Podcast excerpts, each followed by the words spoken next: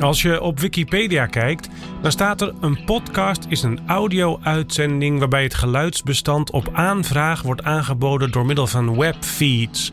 Klinkt heel ingewikkeld natuurlijk, en bovendien ben ik het met het woord audio-uitzending niet eens. En waarom, dat hoor je aan het eind van deze aflevering. Kennisbank, aflevering 1. Wat is een podcast? Ik ben Hajo Magree. Is Tussen de Oren, de podcast over podcasting van NAP1. Wij maken audiocontent. Als we nog even naar Wikipedia blijven kijken, dan staat daar dus dankzij de introductie van draagbare MP3-spelers zoals de iPod was dat uitzenden met webfeeds populair onder radioamateurs. Daar kwam het woord uitzenden weer voorbij. En de term podcast is een samentrekking van iPod en broadcast. Maar je kunt dit ook anders uitleggen. Dit klinkt vrij technisch. Als ik het uitleg in een PowerPoint-presentatie voor een potentiële nieuwe opdrachtgever, dan begin ik vaak, als het publiek er nog niet zoveel van weet, dan begin ik met wat is een podcast? En dan zeg ik altijd: een podcast is een geluidsbestand dat je kunt streamen of downloaden op je smartphone. En waar je dus naar kan luisteren. En smartphone kan je iets breder trekken. Je kan ook op je smart speaker luisteren of op je laptop. Uh, maar de meeste mensen doen het op hun smartphone. En wat kun je dan bijvoorbeeld luisteren? Nou, een eerder uitgezonden radio-uitzending zou je een podcast kunnen noemen. Een luisterboek zou je een podcast kunnen noemen. Maar meestal bedoelen we een speciaal gemaakt radioprogramma over een thema. En je luistert podcasts waar en vooral wanneer het jou uitkomt, on demand. Dus niet zoals bij de radio, waarbij je de knop omdraait, hij gaat aan en je luistert naar wat er op dat moment uit het kastje komt en daar moet je het mee doen. Maar jij kiest wanneer je wat wil horen. Bijvoorbeeld in de auto naar je werk, tijdens het sporten of gewoon thuis. Er wordt ook heel veel gewoon thuis naar podcasts geluisterd.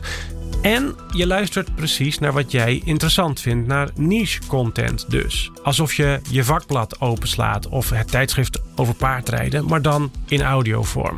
Dat kan dus bijvoorbeeld uh, ondernemersverhalen zijn, of mindfulness, of true crime podcasts, of wielrennen, Formule 1, uh, eh, data science, geld en beleggen, koken en eten. Net wat jij interessant vindt en waar iemand een podcast over heeft gemaakt natuurlijk. En die makers, dat zijn professionals zowel als amateurs, beide. Dat ook amateurs, een beetje, dat bedoel ik niet zo denigrerend als het klinkt, maar non-professionals zou ik haast moeten zeggen, dat die ook podcast maken. Dat komt vooral doordat inderdaad uh, podcasts veel makkelijker te publiceren zijn dan broadcast. Want voor broadcast, voor audio-uitzendingen, heb je zenders nodig. En voordat je in Nederland een zender neer mag zetten, moet je een vergunning hebben. En die vergunningen worden geveild. Daar gaan miljoenen in zitten. Daar zitten hele grote hobbels voor. Terwijl als jij een podcast wil publiceren. Die kun je gewoon uh, maken, opslaan als mp3-bestand. Dat mp3-bestandje zet je ergens online en dan kan iedereen er naar luisteren. Nou, die techniek is iets ingewikkelder dan dat. Dat zijn die webfeeds waar ik het net over had. Maar in principe is het gewoon een geluidsbestand ergens online zetten. En dat maakt het veel makkelijker. Podcasts worden gemaakt aan de ene kant door mediaproducenten, zoals bijvoorbeeld de NPO, de publieke omroep. Eh, BNR, Business News Radio, maakt podcasts. Gimlet Media maakt podcasts. Dat is een Amerikaanse podcastproducent. En in Nederland heb je Dag en Nacht Media bijvoorbeeld en Microphone Media. En wij van NAP1 maken ook podcasts vooral in opdracht. En aan de andere kant heb je dus die inhoudelijke experts. Bijvoorbeeld de Volkskrant maakt een podcast. Nee, verschillende zelfs. Je eigen mindset uh, of mindfulness coach zou een podcast kunnen maken. Een amateur filmfanaat, iemand die voetbalplaatjes verzamelt, Star Trek liefhebbers, mensen die midden in de kleine kinderen zitten, enzovoort enzovoort. En het gevolg eigenlijk van de opkomst van de podcast, dat is nu al een paar jaar flink gaande, is dat het radiolandschap gaat veranderen. Nog even terug naar radio uh, lineaire radio. En daarmee bedoel ik, je luistert naar wat er op dat moment uit het kastje komt. Radio 1, Radio 538, 3FM, Radio 4, BNR, de traditionele BNR enzovoort. Dat heb je sinds de jaren 20.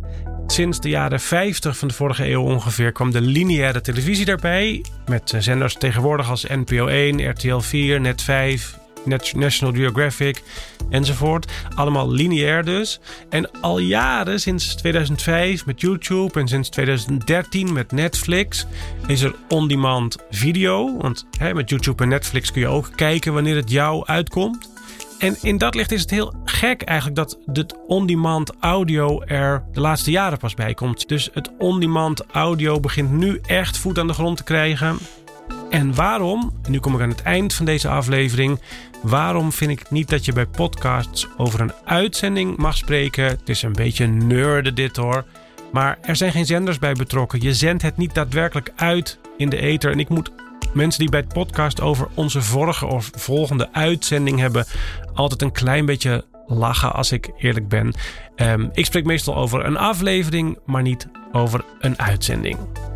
Dat was het. Je kunt de informatie uit deze aflevering ook terugvinden in de podcast Kennisbank op onze website.